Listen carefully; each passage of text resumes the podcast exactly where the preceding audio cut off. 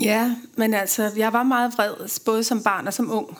Øh, og havde svært ved at tilpasse mig, og øh, blev vred på andre mennesker. Og var du tydelig vred, eller var du et sånt mildt barn, som var vred på indsiden, eller var du tydelig vred? Nej, jeg var meget tydelig vred. Du var tydelig vred. ja. Boktips live fra Poesifest. Dagens gjester er Naja Marie Eit og Linn Ullmann.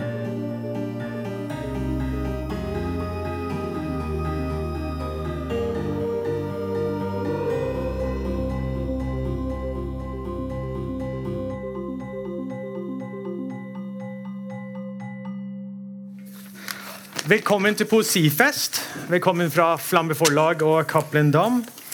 Jeg heter Jon Erik Reilly og er redaksjonssjef i, i Cappelen Dam. Det er Nils Øyvind Haagensen fra Flamme Forlag. Og Det er hyggelig å se folk her på altså det, er, det, er, jo jul, det er travelt. Og likevel kommer folk hit for å høre på og oppleve poesi. La meg si det slik. Poesien er akkurat det vi trenger akkurat nå. Eller vi trenger den hver dag. Den er hos oss hver dag, omgir oss, selv om vi ikke alltid ser det selv. Plutselig er den mer synlig for oss, i en linje vi oppdager ved en tilfeldighet, i et glimt vi ser i sidesynet idet noen passerer. Den er i ordene og stundene vi tror ikke er poetiske, men er poetiske likevel. Av og til blant enkelte påstås det at poesien er abstrakt, eller at den er smal. Den er ikke det noe denne høytiden, denne opptakten til jul. Eh, alt det vi foretar oss i desember, kan være et eksempel på. For vi er omgitt av poesi som vi lager selv. Eller for å si det på en annen måte, dette er tiden da poesien kanskje er mest i bruk. Mest synlig i 'Deilig er jorden' og, og 'På låven sitter nissen', selvfølgelig, men også i fortellingene vi deler og stundene vi har sammen i alt som glitrer. Vi kler verden i julepynt, for julen er en slags utopi. Eller den er en utopi vi gjør til noe virkelig, slik vi skal i kveld med ord. I enden av mange stuer og i mange butikkvinduer ser jeg ofte det jeg tenker på tenker kan være et bilde på poesien i desember. Der henger julekulene. De glitter og tiltrekker seg oppmerksomhet. Og Nærmer vi oss dem, slik jeg gjorde som barn, titter vi i speilflaten, ser vi oss selv omgitt av alt og alt det andre rundt oss. Verden er buet i overflaten og dermed intenst til stede. Verden glimrer med sitt nærvær. Og Slik er det også med poesien.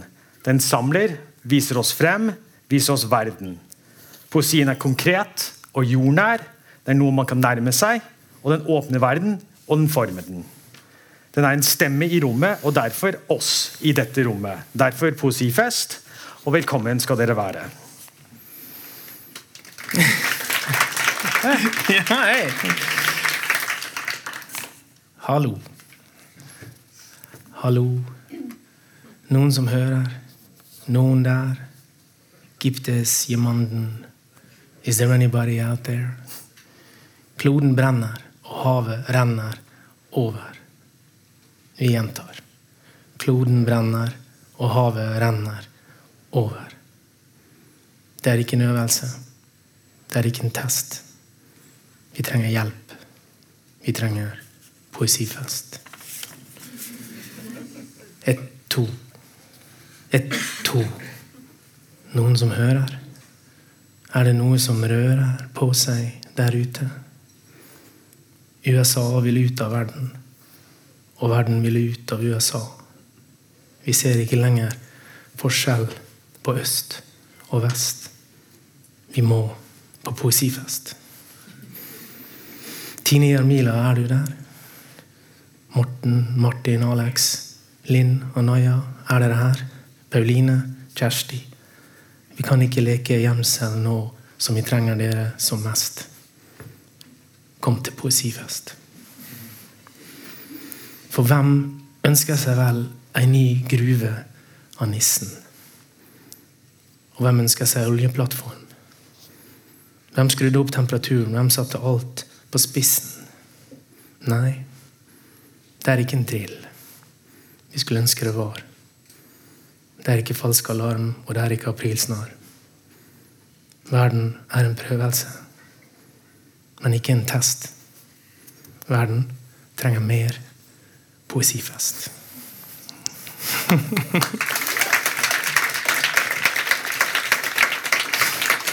ja, poesien er ikke abstrakt, som dere hørte. Den kan være like konkret som menneskene i dette rommet, som lydene, som lysene. Den kan like tydelig som stemmen til Nils Øyvind Haagensen. Og først ut er vår eh, utenlandske hedersgjest og festivalpoet, danske Naja Marie Ait. Prisbelønt, kritikerrost, folkekjær. Naja debuterte i 1991 med diktsamlinga 'Så lenge jeg er ung'. Og har siden den gang gitt ut en rekke bøker i nesten alle skjønnlitterære sjangre, hvis jeg husker rett. Men for det meste novelle og, og poesi. Hun har som nevnt mottatt en rekke priser for bøkene sine, med Nordisk råds litteraturpris som den kanskje mest høythengende. Den mottok hun i 2008 for boka 'Bavian', ei eh, novellesamling. I 2008 ga hun også ut diktsamlinga 'Poesivåg', hvis det var riktig uttalt, som hun er aktuell med på norsk Eh, nå i vinter. Poesibok på norsk. da. Den kan dere kikke på bladet baki der, tipper jeg. Tror jeg. Regner med det. Syns jeg så eh Håper i hvert fall det. Naja har eh, sagt om eh, hva som kjennetegner dansk litteratur, at den i det store og hele ligner på norsk litteratur, i det at den ikke er pompøs. Som er en god ting, så klart. Men til hennes første øvelse for kvelden, åpningstalen, kunne man kanskje i litt slettere selskap, et julebord høyt oppe i departementet eller næringslivet, kan hende, etterlyst litt pompøsitet. Men vi på Poesifest, vi vet, og Naya Marie Ait vet også så klart at det er på bakken vi hører hjemme. Poeter og poesielskere om hverandre. Så ta godt imot Naya Marie Ait. Oh!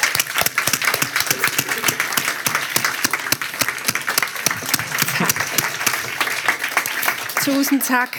Kan I høre noget? Kan I høre mig? Ja. Og tak for den smukke introduktion.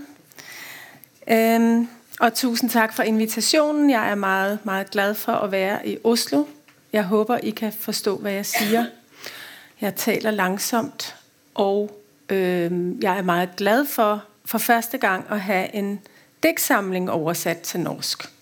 Så tak Nils for oversættelsen, for det er nemlig Nils, der har oversat den. Og nu skal jeg, jeg har jo fået den opgave at skulle sige noget om poesi. Og øhm, man kan jo sige mange, mange ting om poesi. Så jeg vil dykke ned i en lille smule af det, man kan sige om poesi.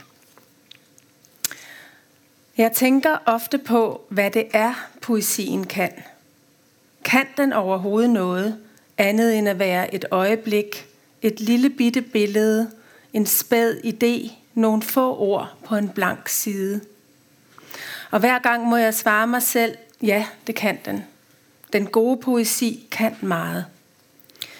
At skrive poesi er et slidsomt og sært arbejde.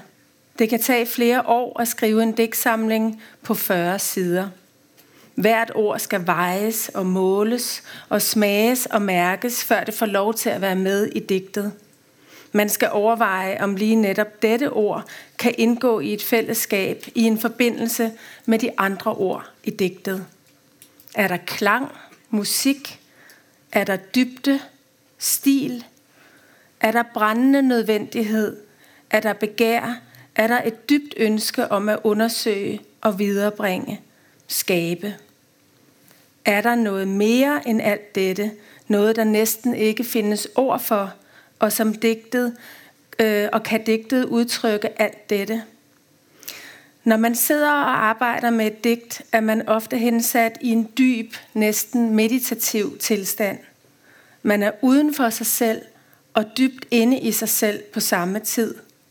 Man er alle, og man er ingen. Det kan føles som at være i en form for trance, hvor man pludselig har adgang til alt. Fortid og nutid, alt der findes og som har fandtes, alt der kommer til at findes engang. Og mens man digter, er det både som at skrive musik og som at løse en matematisk opgave. Den danske digter Inger Christensen, som blandt andet skrev digtsamlingen Alfabet, baseret på Fibonaccis talrække, skriver i sin essaysamling Hemmelighedstilstanden om tallenes betydning for poesi. Fibonaccis række optræder, optræder også i naturen, i den måde blade, grene, blomster og frø placerer sig i forhold til hinanden på, på stængler og træer. Planterne benytter sig så at sige af Fibonaccis række.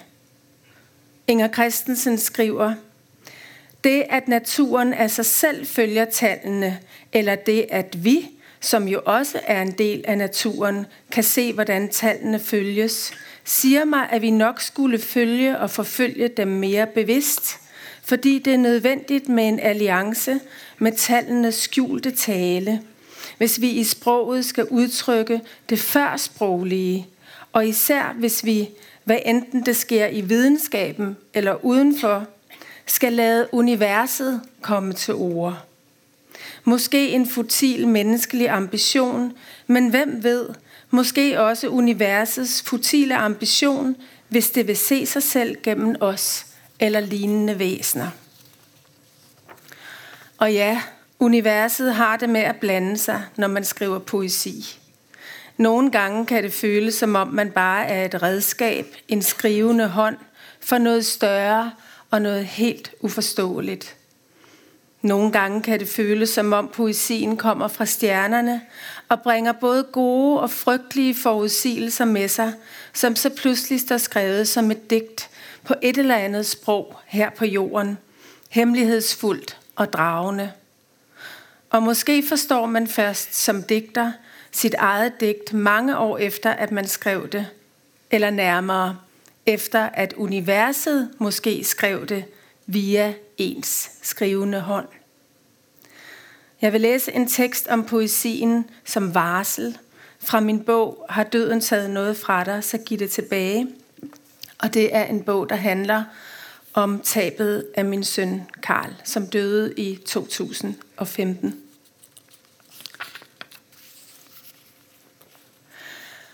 Min allerførste bog, en digtsamling, udkom i 1991.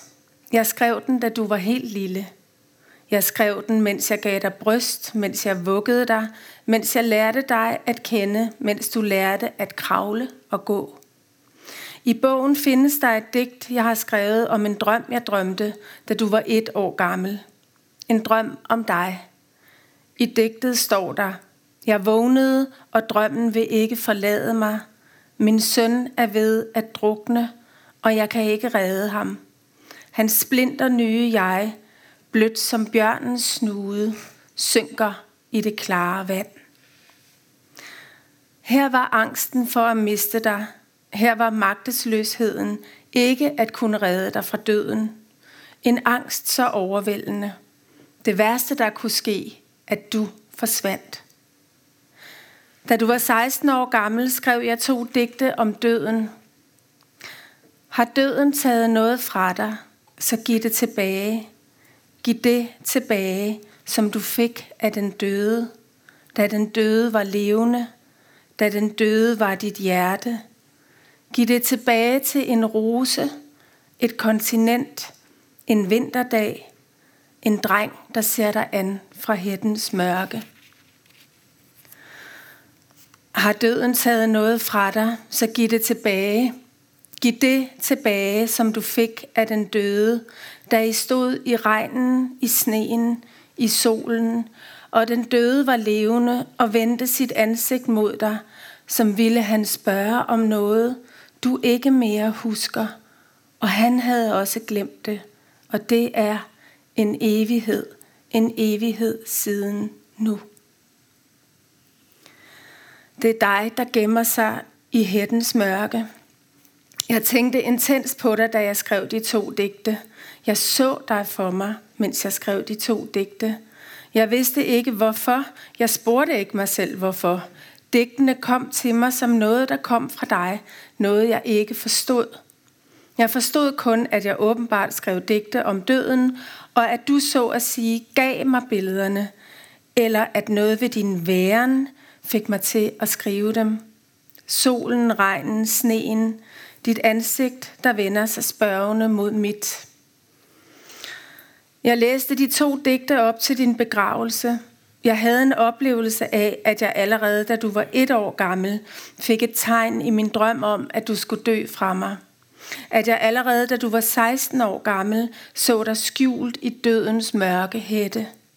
At jeg allerede forudså den evighed, der skulle erstatte dit liv, dit liv. Den evighed, jeg nu lever med, og som du er opslugt af.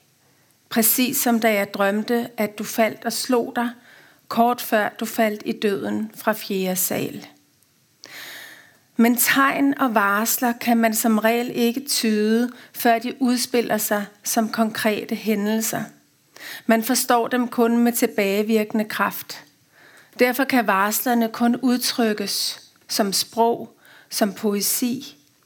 De bliver til en erfaring, der hører fremtiden til, som kun kan udtrykkes, selvom de endnu ikke er erfaret i virkeligheden. Det er det, poesi nogle gange kan. Og det er noget af det skønneste ved poesi. Det er også det, der gør poesi farlig og ildevarslende. Fornemmelsen af at vide noget, man endnu ikke forstår, og endnu ikke kan sætte i forbindelse med noget virkeligt. Som om poesien ved sit væsen gør det muligt at befrie sig frit i tid. Som om den lineære tid ophæves, mens man skriver, så en fli af fremtiden bliver synlig i et kort og mystisk øjeblik.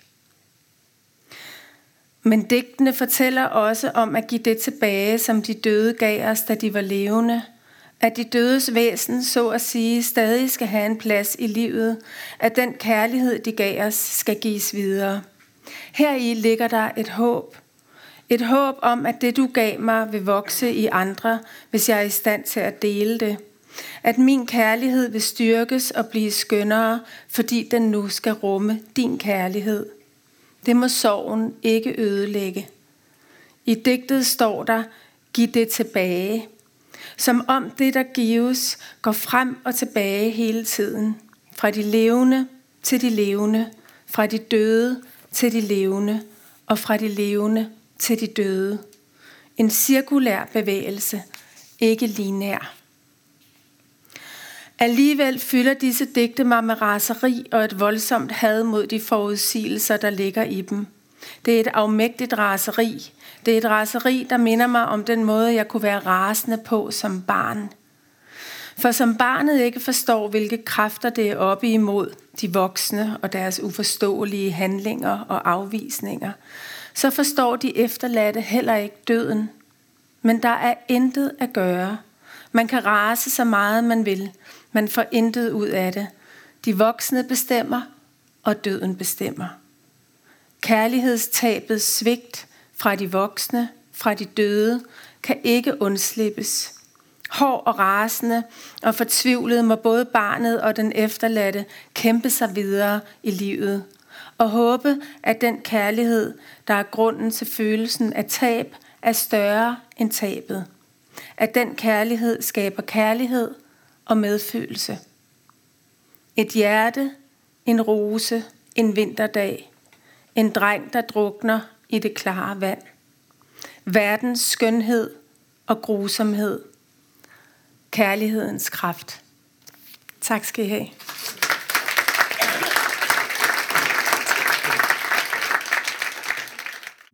I 2008 så utkom Naya Marie Aits poesibok i Danmark. Og nå, som dere vet, så finnes den på norsk i Nils Øyvind Haagensens veldig fine, veldig gode gjendiktning.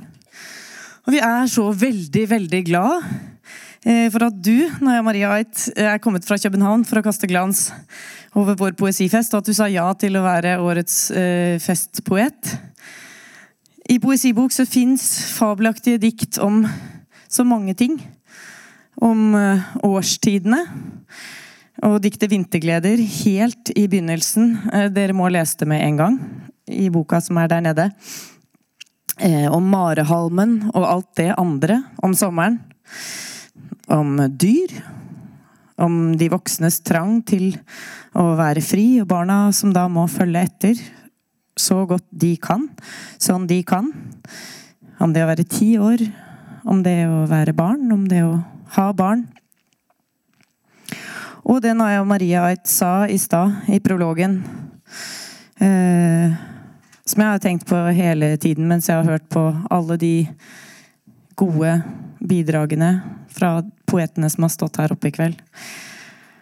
Med hånden som skriver, og at universet vet, kanskje vet, eller helt sikkert vet. Men at den som er hånden, den som har hånden, som skriver, kanskje forstår og ser mye seinere.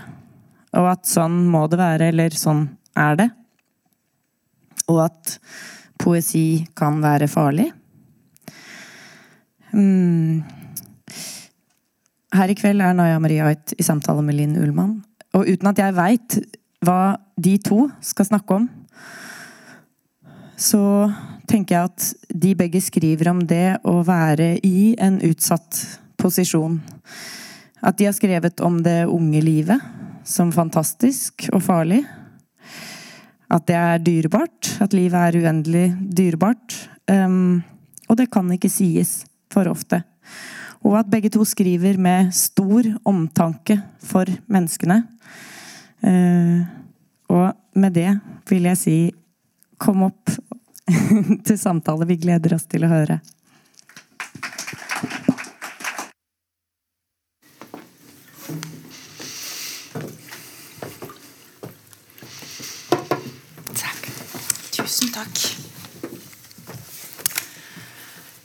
Ja. ja. Velkommen, Naya, til Oslo. Tusen takk. Det er deilig å være her igjen. Ja. Ja. Og vi møtes på en scene for tredje gang. Ja. Um, vi har snakket sammen før, og vi har snakket sammen utenfor scenen og på scenen.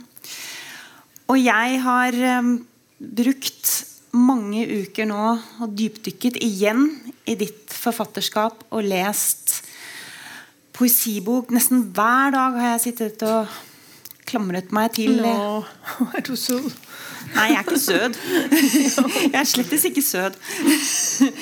Men um, jeg har lest den på, i ditt opprinnelige dansk, og jeg har lest uh, i den fantastiske gjendiktningen som dette har blitt. Hvordan er for å begynne, begynne, der, hvordan er gjensynet med en bok som du skrev for mer enn ti år siden? Og på et annet språk? Ja, Altså, det har været meget spændende med den norske oversættelse, fordi at jeg fik lov til at hjælpe lidt med nogle ting. Der var nogle øh, meget danske begreber i bogen, som vi lige måtte finde. Øh, blandt andet øh, navnet på noget tykkegummi fra 70'erne, som, øh, som øh, Nils han, og det hedder nemlig Shake. Og han troede, det var noget med at danse, tror jeg, men det var jo så navnet. Ja. Så vi måtte så finde noget norsk tykkegummi fra 70'erne i stedet for. Så det har været meget fint at komme tilbage til bogen på den måde øh, i samtale med Nils og, og se bogen blive til på norsk, og jeg er meget, meget glad for oversættelsen. Men du ved jo, at når man har skrevet mange, mange bøger, der er nogle af dem, man gerne vil læse igen, og der er nogle af dem, man ikke så gerne vil læse igen. Mm. Øh, men jeg vil sige, at poesibog er egentlig en af de bøger, som jeg altid godt har kunnet holde ud og gå tilbage til. Øhm, den, der, der, jeg tror nok måske, det er en af mine bedste digtsamlinger, synes jeg selv. Mm. Fordi den er meget gennemarbejdet på en eller anden måde. Mm. Og fordi den, at når en bog er 10 år gammel, så kan man kigge på den og sige, når man holder det stadigvæk, dur det stadigvæk, eller er det, øh, er, er det altså hvis jeg læser min debutdigte, så tænker jeg, åh, hvor var du naiv. Ikke? men, men med den der, der er alligevel, der, der er meget liv i den på en eller anden måde, synes jeg, stadigvæk. Mm. Så jeg skammer mig ikke over den. Eh, jeg vil komme tilbake til det du snakket om i, i prologen din, som handler om det farlige og det profetiske. Det vil jeg komme tilbake til. Men jeg har lyst til å uh, begynne et litt annet sted. Fordi jeg leste at uh, da du skrev poesibok Vidunderlig, ville, vakre, mørke poesibok. Altså, den er uh, så fri. Så befant du deg i en dyp skrivekrise. Ja. Og så leser jeg dette, og så, og så Men hvordan, hvordan går det an å befinne seg i en dyp skrivekrise, og så kommer disse diktene Ja. og denne, denne boken? Ja, men jeg havde skrevet den digt, øh, novellesamling, der hedder Bavian, som faktisk også er udkommet her Og som i Norge. Nordisk råds litteraturpris. Og det var så hård en bog at skrive. Jeg brugte så lang tid på det, og jeg var så udmattet bagefter. Og fordi jeg både skriver poesi og prosa, så havde jeg ligesom den, øh, øh, hvad skal man sige, den vane, at når jeg havde skrevet prosa, så gik jeg til poesien, og når jeg skrev poesi, så gik jeg til prosaen. Så jeg tænkte, nu skal jeg skrive digt. Og så øh, fik jeg simpelthen sådan en skrivedepression, hvor jeg synes, at poesien ingenting kunne, og hvorfor skulle jeg skrive digte, og jeg vil aldrig skrive mere, og så videre. Og derfor er der også en del digte, der handler om, altså hedder det lede på, på norsk? Lede. Ja, ja. Lede, ja. ja. Altså leden ved sproget, ved, ved poesien, ved livet, ved meningsløsheden og så videre. Alt den slags. Øhm, så det var egentlig de første digte, jeg skrev. Det er dem, der handler om det. Og jeg vidste ikke, hvor, øh, hvordan det skulle blive til en bog nogensinde.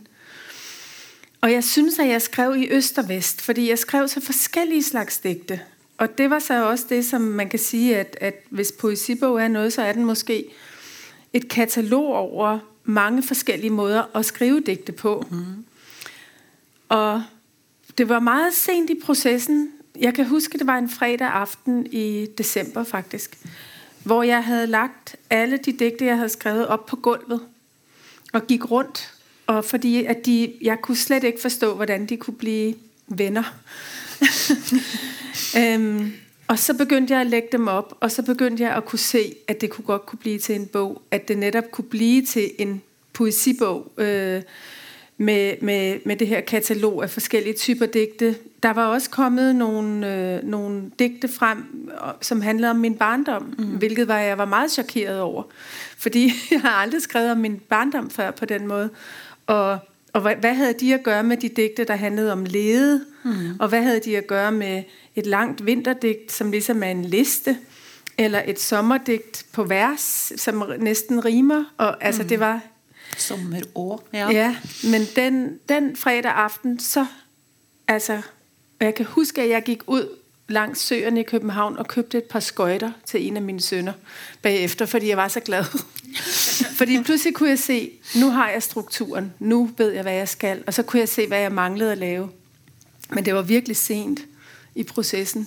Var næsten alle digtene ja, færdige ja. da? Ja, jeg manglede måske 10 eller sådan noget. Men hva var det som skjedde? For at jeg, jeg, altså, det er mange poeter her. Ja. Eh, mange som skriver her i dag. Eh, og hva var det som skjedde? Du hadde lagt alle diktene ut på gulvet, så de var fysisk foran deg. Men hva var det som skjedde da du altså, Hva var det øyeblikket? Hva var det som skjedde akkurat da du skjønte hva formen skulle være? Hvordan det skulle se ut? Ja. Hva, hva, hva var akkurat det øyeblikket? Men det er jo meget svært at beskrive, fordi hvad er det, der gør, at man pludselig forstår det? Men igen, så tror jeg, at jeg forstod nok ikke rigtigt, hvad jeg selv var i gang med at lave. Og sådan, sådan føler jeg tit, det er, at, at jeg er dårlig til at have en plan. Jeg begynder i et hjørne, og så tror jeg, at jeg skal derhen, men så kommer jeg derhen. Mm. Og alt det, jeg skriver i begyndelsen, det kan jeg måske bare smide ud mm. og starte forfra. Mm. Og det er selvfølgelig noget, tror jeg, mange, øh, der skriver, kender. At øh, man har en fin plan, og så bliver det noget helt andet. Mm. Men jeg har til gengæld meget sjældent en plan, vil jeg sige, men bare en kæmpe angst for at skulle skrive. og, og, og hver gang tænker jeg, at det går aldrig. Øh, og det gjorde jeg så altså også med poesibog. Men, øh, men det er svært at pege på. Altså, jeg kunne bare, jeg kunne bare se en struktur. Jeg begyndte at lægge det op. Øh, i, det, den er jo i afsnit. øh, og det var de afsnit måske, jeg fandt den fredag aften. Mm. Altså, at der var de her barndomsdigte, og der var, øh, der var noget med nogle årstider også, mm. som jeg kunne begynde at inddele, mm. og sådan. Så, så det er jo det der med at finde formen, øh, og når først man har en form, så kan man næsten alt. Ikke sant? Og det er vel eh, nettopp det. Og det første diktet i boken heter jo eh, Form som storm. Ja. Eh, hvor du, det er det aller første diktet i boken, og da vender du om på det også på slutten av diktet. Det er et kort dikt eh, hvor det står 'storm som form'. Altså, var det noe av det du så, at stormen og det storm innebærer av assosiasjoner, at det var på sett og vis formen? altså, Ja. At det er stormen som form. Og hva er det? For at i utgangspunktet så oppleves jo ordet storm og form som veldig motsetningsfylte. Altså Stormen er kaotisk og mørk og farlig, og formen er, er, er orden. Ja. Eller det er i hvert fall det man vil. Ja. Men Ja, her er men altså, altså, jeg- stormen Storm form. form. Var det ja. det du fant? Ja, det, det tror jeg faktisk, det var. Fordi øh, der er jo meget bevægelse i digtene. Der er meget, der synger og knitrer og løber og lever og bevæger sig og for, forvandler sig og forandrer sig. Så, så, så der er netop denne her sådan, måske ligesom at en storm både kan være øh, uhyggelig, og den kan være fantastisk, og den kan være voldsom. Øh, og, men den, har, den kommer også som, den kommer og, hvad skal man sige, ja, og renser os på en eller anden måde. Den kommer og, som en, en form for, den fejrer noget væk. Øh, og, og det var måske meget det, jeg tænkte på, tror jeg, da jeg skrev det digt. Altså, at, at den her sådan øhm, forvandling øh, øh, og bevægelse. Ja. Jeg opplevde jo veldig at, Og at vrede også. Der er jo rigtig meget vrede også Ja, i, i for bogen, jeg, jeg skulle faktisk. til å sitere. Jeg opplevde jo at, at nettopp at det diktet står som det første diktet var nesten som en sånn besvergelse, eller en incantation, altså en sånn speak memory, storm som form. Og det står jo i det diktet Når jeg skal sove, klarer jeg ikke, vreden holder meg våken. Så det var jo nett, et spørsmål jeg hadde. Det, det fins mye vrede eh, og raseri Ja, i hele ditt forfatterskap. ja. Undskyld. Nej. ja, det gør der. Ja, altså... Som, likevel, så, som er så syngende. Og som nesten knuser hjertet med sin skjønnhet. Men det er altså en sånn vrede der. Så det er igjen disse motsetningene. Kan du si litt om det?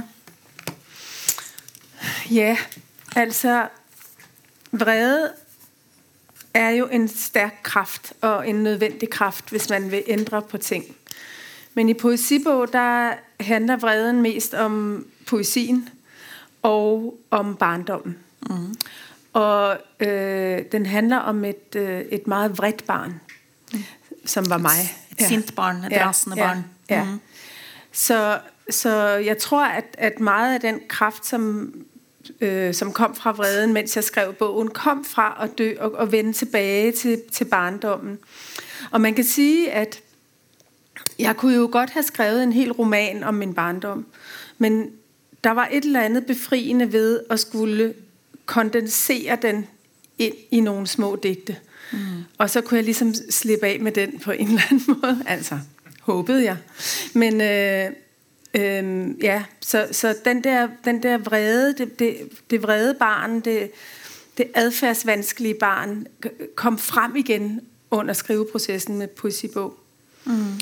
Øhm, ja, men altså, jeg var meget vred, både som barn og som ung, øh, og havde svært ved at tilpasse mig, og øh, blev vred på andre mennesker. Og Var du tydelig vred, eller var du et sånt mildt barn som var vred eh, på innsiden? Eller var du tydelig vred? Nej, jeg var meget tydelig Du vred. var tydelig vred. Ja. det er et vidunderlig dikt der i, eh, i nettopp en av de eh, barndomsdiktene eh, som handler om lille P. Ja. Eh, lille P dukker opp flere ganger. Eh, hvor i jeg-personen eller fortelleren hvor det oppstår en, et sånt voldsomt raseri. Lille P sier noe sånn 'Ikke vær sur, da'. Men det er så mye mer enn sur hun er. Mm. Ja. Det er et sånt voldsomt, voldsomt vrede som er i denne lille piken. Jeg, jeg ble minnet om i noen av de barndomsdiktene og ungdomsdiktene em, jeg vet jo at du forholder deg til kunst ofte, og eh, det, det vil jeg gjerne at du snakker om, men jeg tenkte mye på Lena Kronqvist. Disse to Lena Kron, den svenske maleren Lena Kronqvist som har disse, veldig ofte disse to søstrene Ja. som ser ganske vrede ut. Ja. Em, og utsatte og sårbare. Ja. Forholder du deg til, eh, til kunstnere når du skriver, altså til billedkunst? Fordi at du er så visuell i både måten du skriver på, men også sidene er visuelle. altså Sidene ser annerledes ut, selve skriften. Ja. Både i poes, eh, poesibok og i Karls bok. Ja. Men Ja, altså jeg er jo meget glad for, for billedkunst, men jeg, når jeg skriver, tænker jeg egentlig ikke så meget på det. Øh, der, der forholder jeg mig mere til, til hvad skal man sige, øh, den, den kunst, man kan lave med, med typografien også. Hvordan mm. man kan, hvordan man altså, skaber et værk, også visuelt. Mm. Øh, og det gør man jo meget, når man skriver digte. Øh, hvordan kan man Øh, skal man, hvordan skal man inddele de forskellige? Jeg har sådan nogle øh, små vignetter, øh, hjerter og Ja. små ting Som i gamle i den her, ikke? barneminnebøker. Ja, det de, fordi- da? Søt, Præcis. tøs, Præcis. ordspil. Ja. Lev vel. Ja. Mm, lev vel. Og det er jo fordi, at den referencen er poesibogen, altså en, en, en, en lille, som regel en lille piges poesibog i skolen, hvor man får sine venner til at skrive små, søde digte. Men Kaller dere det poesibok i Danmark? Ja, ja. For det kaller vi minnebok. Ah, Men det er altså begrepet poesibok er altså Ja. der hvor du får det er det, vi skulle have kaldt den for mindebog. Nei. Det er veldig fint som poesibok, men, Ja. men det er altså det danske begrepet Ja, for det er det danske de begreb. Ja. Ja, så det er ligesom det, det der er var ideen. Og derfor øh, begyndte jeg selvfølgelig at tænke på, hvordan kan, vi, hvordan kan man lave øh, en typografi, så den visuelt også kommer til at være spændende at sidde med og mm. kigge i. Mm. Og jeg, øh, ham, som laver, som er grafiker på mine bøger i Danmark, han er billedkunstner og fotograf også. Så derfor er han altid meget optaget af, hvordan bøgerne skal være som objekt, kan man sige. Mm.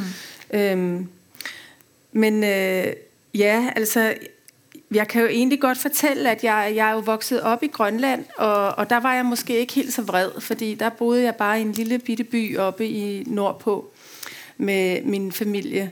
Og så kom vi til Danmark, da jeg var syv et halvt. Og det var der, jeg blev vred. øhm, Det var da du ble ja, vred. det var det. Der, der skete mange store forandringer. Øhm, jeg kom i skole og øh, skulle holde op med at tale grønlandsk, mm. og mine forældre blev skilt, og det var et meget stort kulturschok at komme til den store by, København. Og jeg begyndte at udvikle angst for, at bygningerne skulle styrte ned over mig og sådan nogle ting. Øhm, og jeg, jeg, ja, og min far flyttede i kollektiv, og min mor giftede sig igen, og der skete utrolig meget på meget kort tid, som gjorde, at jeg blev det, som man kan sige, jeg fik, hvad man i dag vil kalde en adfærdsforstyrrelse. Øh, øh, og jeg kom til skolepsykolog og så videre.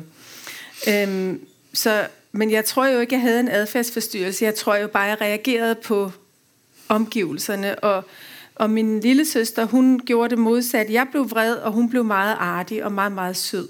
Og, sag, og, og, og, og var helt sådan, så de voksne godt kunne lide hende altid. Mm. Så det er jo meget typisk det der med, at man, man, man deler rollerne op i sådan en familie. Mm. Øhm, og det var jo så den her vrede pige, jeg vender tilbage til i de her digte, hvor jeg prøver at forklare, hvad det er, der sker i den tid, hvor jeg vokser op, fordi jeg er jo et, et ældre menneske, så det er jo altså 70'erne, vi taler om, og øhm, øh, mine forældre, der kommer fra det her lille bitte samfund og tilbage til øh, et... Øh, et, hvad skal vi sige, øh, et sted, hvor ungdomsoprøret virkelig har sat sit præg og, og bliver bombarderet med den her nye, øh, øh, den, den nye verden simpelthen. Ikke?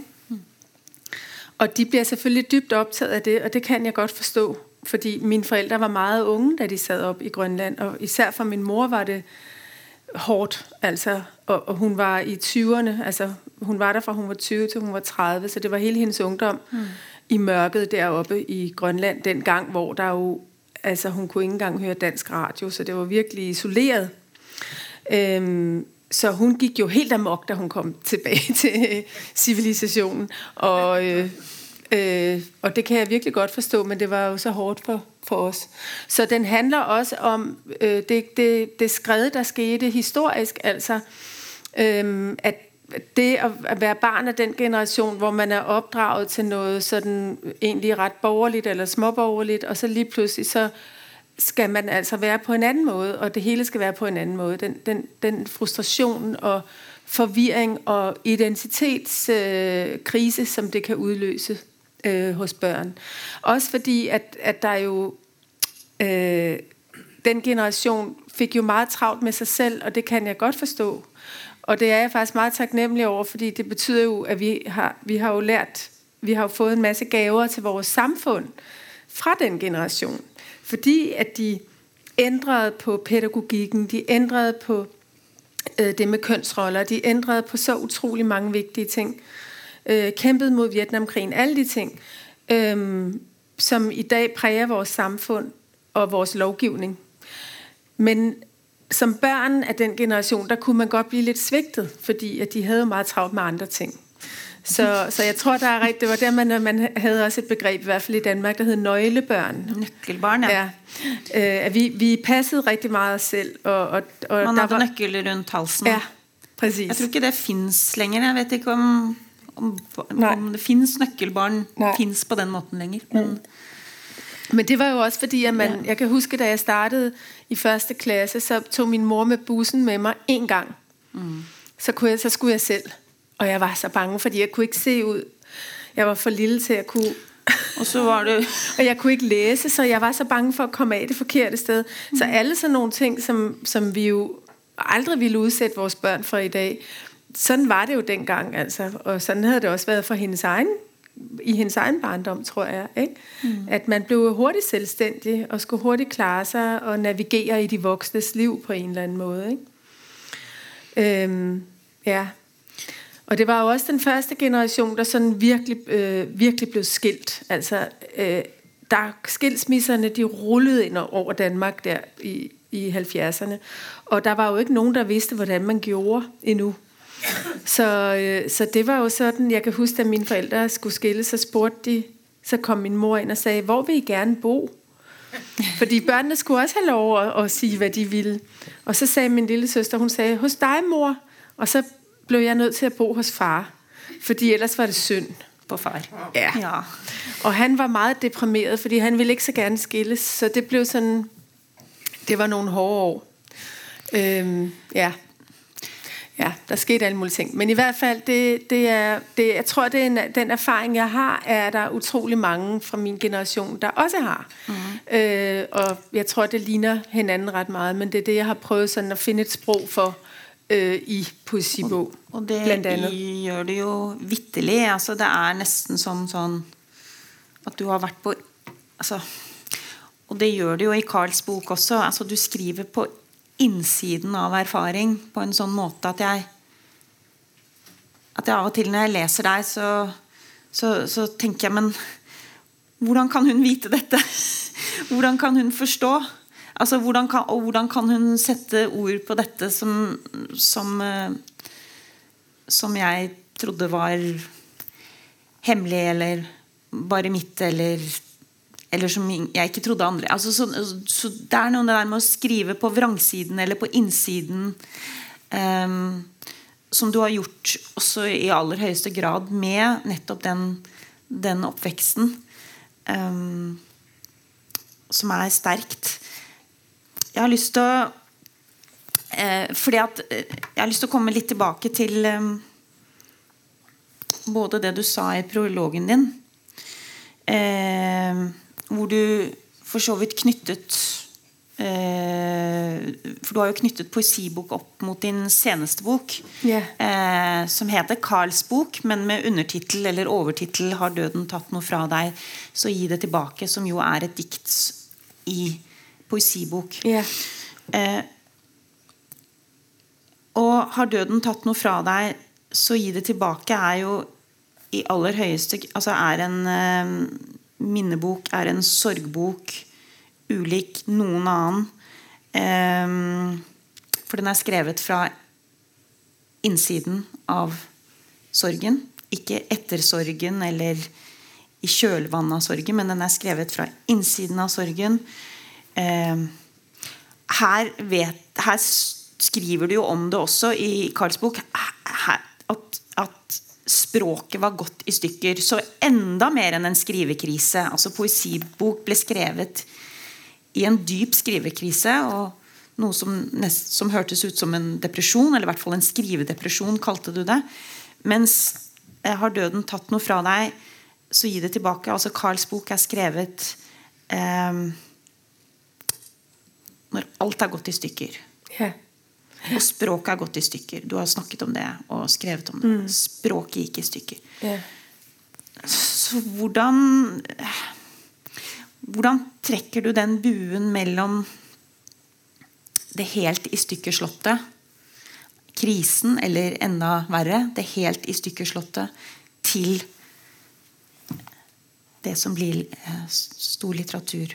Og det som blir så levende og så trøstende, som kommer fra et sånt mørke, og som kommer fra krise og det som er enda verre, som er, denne, altså, som er sorg.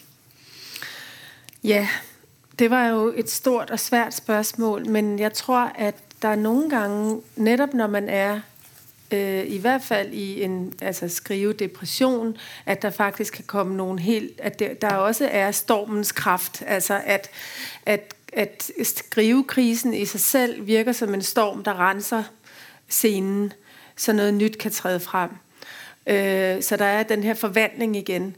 Du tror det? Ja, det, jeg tror at nogle gange, at, at hvis man får sig skrevet ind i krisen, eller igennem den, eller ud af krisen, øh, at, at så kommer man også et andet sted hen. Jeg tror, det er nødvendigt, hvis man ikke bare vil gentage sig selv, så bliver man nødt til at miste troen og genvinde troen igen.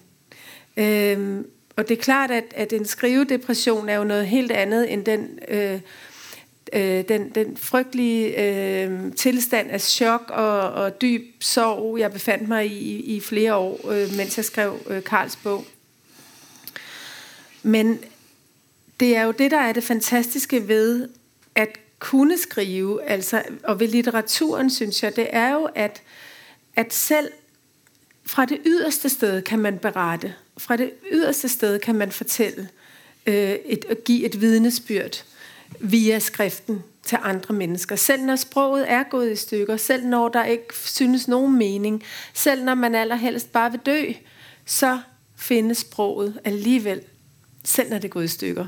Og det er jo det, som øh, jeg oplevede, da jeg skrev Karls bog, at, øh, at den redningsplanke, eller den lille redningsjolle, som sproget jo faktisk øh, er, kom, kom alligevel sejlende hen til mig, øh, hvor jeg havde allermest brug for den, men hvor jeg slet ikke kunne finde den i stormen, for nu at blive i, i det. Men øh, øh, så, så Karls bog er jo skrevet et, et sted fra, hvor jeg kravler tilbage til sproget med neglene, altså klynger mig til livet og til sproget, og, og, og efterhånden igen finder en form. Altså det her med form, det er jo det aller, aller vigtigste, fordi jeg mener det faktisk, når jeg siger, at hvis bare man har en form, så kan man skrive om alt. Men hvis man ikke har nogen form, eller ikke finder nogen form, så, så bliver intet godt. Og det, det, er, det, redder, det redder os jo altid, det med form, ikke? Jeg eh, er helt enig med deg, men si litt mer om det. Fordi hva betyr egentlig det at uten form ingenting? Fordi at jeg hører meg s- Altså, jeg sier det samme selv. Og jeg intervjuet en gang Lydia Davis, som jeg tror vi begge er veldig Ja. glad, glade for, Ja. som sa s- å skrive er å gi form til erfaring. Eller å gi Ja. erfaringen en form. Ja. Men hva betyr det? Hva betyr det å finne en form? Hvorfor er det så viktig? Og hvorfor er det helt svart når formen ikke viser seg? Fordi at man tenker jo på en siden at form, ja, men form, hva er det? Det, er vel, altså, det, det handler vel om følelser og sannhet og, og språk og alt sånn, men som form virker så sånn Det lyder som en kasse. ja, Ja. altså nå skal jeg putte dette i en kasse, Ja, eller et eller annet sånt. Sånn at, at jeg tror når man ikke Så hva, hva betyr det? For at jeg, du har helt rett. Men Altså, hvorfor ja. er det sånn? Jeg tror, at det betyder, at man skal prøve at forestille sig en komponist. Øhm, hvis man tænker på, på Bach for eksempel, og tænker på hans musik, så kan man forstå, hvad form betyder. Altså, øh, det er jo ikke en kasse, men det er en, en måde at komponere på med sprog. Og jeg kan huske, da jeg var ganske ung og skrev mine første tre digtsamlinger, der, havde jeg, der vidste jeg ikke noget om form. Jeg skrev bare. Og jeg, jeg, jeg, jeg kan huske med den første bog, der, jeg, jeg havde hørt, synes jeg, at man ikke satte øh, kommaer i digte. Så der er ikke nogen kommaer. Så det var virkelig sådan, det var ligesom derfra, jeg, jeg gik bare ind i det her land øh, med store øjne. Da jeg så på et tidspunkt øh, havde læst Inger Christensen, øh, så begyndte jeg at forstå, at der var noget, der hed sådan, der rigtig hed form. At man kunne beslutte sig for en form. Øh, og så skrev jeg en digtsamling, hvor jeg lavede et øh, meget simpelt matematisk system, øh, som jeg skrev efter. Og det var, det var fuldstændig forvandlende for mig, øh, fordi at lige pludselig, så havde jeg det her system, jeg skulle overholde. Og hvis der for eksempel kun måtte være 15 linjer i digtet, og jeg skrev en, en linje nummer 16, som var helt fantastisk, så måtte jeg ikke have den med. Eller jeg måtte bytte en anden ud. Og jeg måtte se, om jeg kunne få den ind. Og så videre. Så jeg begyndte at sidde og arbejde med det på en meget mere ja, matematisk måde, eller rebusagtig måde. Mm. Det var ikke kun følelser og mm. ord. Det var pludselig også noget med, hvordan her er min form, men jeg skal, jeg skal prøve næsten at sprænge formen. Jeg skal prøve at få den til at svulme, så, man, så, der, så der kommer en, en et intensitet, kan man sige, en, et, en, øh, en kraft, øh, som, som kun kan opstå, når man har øh, en form, der passer til stoffet. Mm. Fordi det er jo også det næste, som du ved, du som skriver så fantastiske bøger, at man finder også en form øh, til sit stof, og når man skriver romaner, finder man en måde at fortælle historien på, på den bedst tænkelige måde, på den rigtigste måde, på det, der føles rigtigt, der virker, og, og den måde, hvor man kan fort- fortælle på den, ja, historien på den smukkeste måde også. Og der, og der tror jeg igen, at formen hjælper. Ikke? Altså, det er jo også form. Hvem fortæller? Mm. Og hvorfor? Og hvor ser vi det fra? Og hvilken tid foregår det i? Er det nutid? Er det datid? Alt er form. Mm. Jeg kan huske, da jeg var meget ung, øh, og lige havde udgivet min første bog, der var jeg på øh, debutantkursus på Bishops Arnø. Jeg ved ikke, om der er nogen af jer, jer andre, der har været der. Men der fik vi en meget, meget enkel... Øh, det var jo så digtere og, og prosaister fra hele Norden, der lige var debuteret. Og der fik vi en meget enkel skriveøvelse. Det var, at vi skulle skrive en lille prosatekst øh, i, i første person, altså jeg. Og så skulle vi lave den om til tredje person, altså han eller hun. Og jeg var sådan, wow, altså, det var jo helt magisk, den forskel, der skete, ikke? Og det er jo bare sådan en lille bitte formting, ikke? At, øh, at pludselig kunne jeg se, hov, nu kommer det, nu bliver der distance, nu bliver det fiktion på en anden måde, eller gør det, eller hvad er det, der sker, ikke? Så, så, øh, så det der med at have en formbevidsthed, eller, eller jeg vil sige, man behøver jo ikke at have en formbevidsthed, men at begynde at, at, at lege med det, og tænke på, hvordan kunne jeg gøre? Øhm, lave nogle regler, det, det synes jeg altid virker mm. på en eller anden måde. Og mm. der kan jo være meget stor forskel på, på formen. Mm. Altså. Mm. Men det er jo mere noget med måske at tænke på det som en eller anden åbenhed, at, at hver gang man skriver et digt, behøver det ikke se ud på samme måde.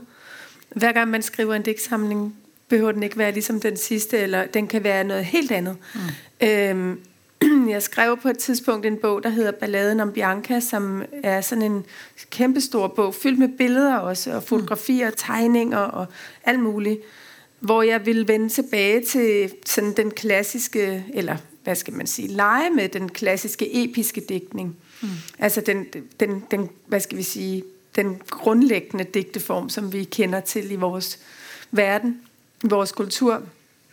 Øhm, og så gør jeg det på en moderne måde, hvor jeg altså lavede et fiktivt persongalleri, mm. og de bor alle sammen i det samme kvarter, og har de er alle sammen forelsket i den samme, og der er en hel masse en grøn handler, og der er folk fra hele verden, og alle mulige ting, ikke? og der, vi tegnede kort og sådan noget. Ikke? Altså, så det var jo også en måde at lave form på, kan man sige. Ikke? Øhm, øh, noget af det sjoveste ved den, det var, at jeg lavede sådan nogle fiktive interviews til lokalavisen. altså hvor, hvor for eksempel øh, øh, der er en, ja, i, i historien, nej det er noget helt andet, men det er bare lige for at fortælle, der er, er en digter selvfølgelig også i det her persongalleri, og han laver forskellige interviews med lokale kræfter, blandt andet præsten. Og altså, nej, det var bare, det var så sjovt. og det der med, at man sidder og skriver, man, altså man sidder og skriver et interview, som er fuldstændig løgn. Der var bare sådan noget virkelig befriende ved det. Ja. Apropos dette med fiktion og biografi og mm, sjangerbetegnelse generelt. Altså Rachel Cusk, som vi begge liker, har vel sagt sånn at hun kan ikke forestille seg lenger å skrive en roman hvor liksom her er Jeff og her er Anne, og så går de ut, og så treffer de hverandre. og det går et lite streif av mørke over Jeffs ansikt, og bla, bla, bla. bla, bla. Altså, ja. Og jeg kjente meg altså Jeg syntes det var grusomt da jeg leste da hun sa det, jeg, men jeg kjenner meg veldig igjen i det. Og jeg vet at du også Du har også sagt noe sånn, og du, og du, du sa i et intervju Jeg tror det var på Louisiana-festivalen i Danmark at um, Altså at ja, da du skulle i gang med, med Carls bok, at du, du leste altså du, du, hadde en voldsom vrede og raseri på romaner og mm. dikt. Og så eh, Hvordan Men nå snakket du om gleden over den totale diktningen igjen. Altså, hva, hva, hva, hva tenker du om fiksjonen og sjangerne og Yeah. litteraturens fucking fremtid. Altså, hva tenker hva tenk, altså, yeah. Men det er jo et godt spørsmål. Det er jo levebrødet vårt, det er jo det vi driver med. Men hva, det, hva tenker du yeah. om det? Ja, altså det, jeg vil sige, jeg synes, det har ændret sig lidt, som tiden er gået, at jeg begynder igen at holde mere af litteraturen igen. Altså fordi jeg var meget vred på litteraturen også, og meget vred på fiktionen efter mm. Karl døde. Og jeg tænkte, jeg vil, altså, jeg vil aldrig læse igen, og jeg vil aldrig skrive historier, som ikke er virkelige, som ikke er sande, som ikke er ægte. Mm. Og der kommer vi jo ind i hele diskussionen om autofiktionen og om det selvbiografiske osv. Øhm, men jeg tror godt, at det, og det er du jo et lysende bevis på, at det er muligt at skrive fiktion, som også, øh, også tager fat i, i noget virkeligt, tager fat i noget ægte. Øhm, og øh, altså, De Urolige er jo, er jo en af de smukkeste bøger, der er skrevet på den måde. Og øh, stærkeste bøger, og jeg er, altså, jeg synes, at det er, det, den er jo simpelthen så fantastisk, og det viser jo, hvad for en kraft der kan være, når, man, når de to ting kommer til at holde hinanden i hånden. Jeg kan godt forstå det, Rachel Kosk siger, og jeg er enig. Altså, jeg har også svært ved at forestille mig, at jeg skal opfinde personer ud af den blå luft, som jeg gjorde, da jeg skrev noveller på, i, i 90'erne. Øhm, så jeg tror, at jeg tror, at det næste, jeg kommer til at skrive, kommer til at være prosa. Jeg tror, det kommer til at være fiktion. Men jeg tror, det kommer til at hente rigtig meget fra virkeligheden. Altså, det, det kommer til at... Øh, hvad skal vi sige? Øh, der skal være noget, noget sandt. Øh, der skal være noget sandt og noget noget kraft, altså på en eller anden måde, fra, fra det levede liv i det. Ellers så, ellers så kan jeg ikke, tror jeg ikke. Nej. Men nu må vi se. Går det an at skrive altså fiksjon og ikke-fiksjon på en gang? Går det an å være Ja, gjør det det? Det, det, det tror jeg, mm. at jeg synes, det gør. Fordi altså, den diskussion, øh, man kan sige, altså nu, I har jo Knavsgaard her i Norge, og mm. øh, vi ved jo godt, at Knavsgaard, han kan jo ikke huske alt, hvad der står i de mange bøger. Det er jo ikke, han, altså intet menneske kan huske så mange detaljer. Så der, der, der, det, er, det er jo autofiktion, men det er det jo samtidig ikke. Det er også fiktion. Forstår du, hvad jeg mener? Så, så, så det der med at, at, øh, at kunne skrive det sande eller det fuldstændig ægte, det findes jo ikke. Selv ikke, hvis man skrev sin egen selvbiografi. Så ville det også Særlig være løgn. Ja. og det ville også være løgn. Og der ville være meget, man ikke kunne huske, eller man ville digte noget, man havde glemt, eller et eller andet. Mm. Så, så det der med, man kan sige, man kan stræbe efter det sande og det ægte. Og, og det tror jeg i virkeligheden mere, man kan hente fra andre mennesker end fra sig selv. Mm. Øh, det tror jeg, at man kan hente fra, fra andre menneskers historier, fra de mennesker, man møder på sin vej, fra de mennesker, man, man læser om og hører om og alt sådan noget. Altså, der, der tror jeg, at, øh, at, at det bliver mere sandt og ægte, end hvis man henter fra sig selv, altså mm. på en eller anden måde. Ikke? Si litt mer om det. Hva mener du med det? Ja, hvad mener jeg med det? det jeg ved det heller ikke rigtigt, men det er en, en tanke, jeg har haft. Mm. At hvis jeg tænker på at skulle skrive øh, med udgangspunkt for eksempel i nogle personer, som jeg har kendt, eller som øh, øh, hvis historie har været dramatisk, øh, som jeg kender, som er tæt på mig, så vil det være nemmere for mig, og formodentlig også mere interessant og mere sandt, tror jeg, at skrive om dem, end at skrive om mig selv. Mm. Og jeg kan egentlig ikke forklare, hvorfor. Men jeg, det er en, en idé, jeg har fået. Altså det, det kan være, det er en helt forkert idé, men det må, det må vi se næste bog, jeg skriver, kommer til at blive sådan. Håber jeg. Det er min plan, i hvert fald. Jeg tror, at der ligger et eller andet i fællesskabet, som er vigtigt, øh, som også er vigtigt i den her tid. At vi, øh, og jeg kan se det faktisk ret meget i dansk litteratur. Der er virkelig mange, der begynder også at tage fat i historiske personers liv.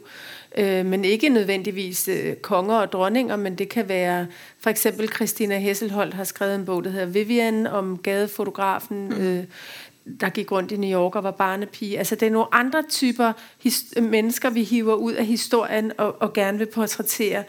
Vi vil gerne fortælle deres historie. Mennesker, som ikke har haft mulighed for at fortælle deres egen historie, mm. måske også.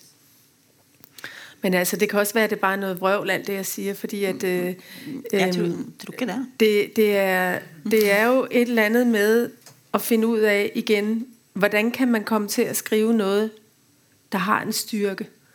Og det vil, for mit vedkommende, for mig, der er det altid, hver, hver eneste bog i mit forfatterskab er et helt nyt projekt. Jeg, jeg, glemmer, jeg vil gerne prøve at glemme de andre, og så starte helt forfra. Og nu står jeg i en situation, hvor at jeg virkelig skal starte forfra, fordi efter Karls bog, og efter at han, Karl døde, der er, er jeg jo blevet til et andet menneske på en eller anden måde. Og jeg er jo også blevet til en anden forfatter.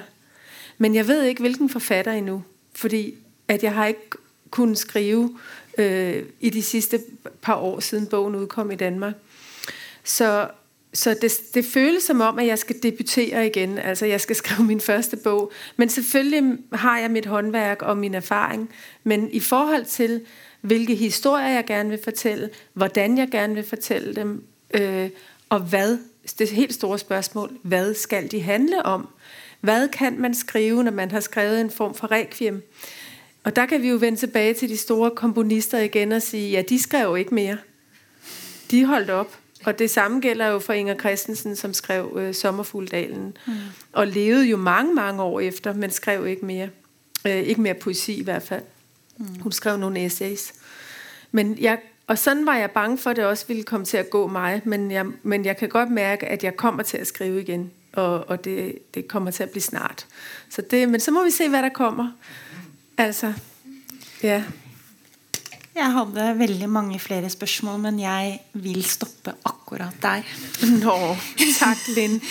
Tusen takk, tusen tak, Maja, fordi du vil- at, eh, at du var- Tusind tak, Linn. Boktips, en podkast fra Cappelen Dam.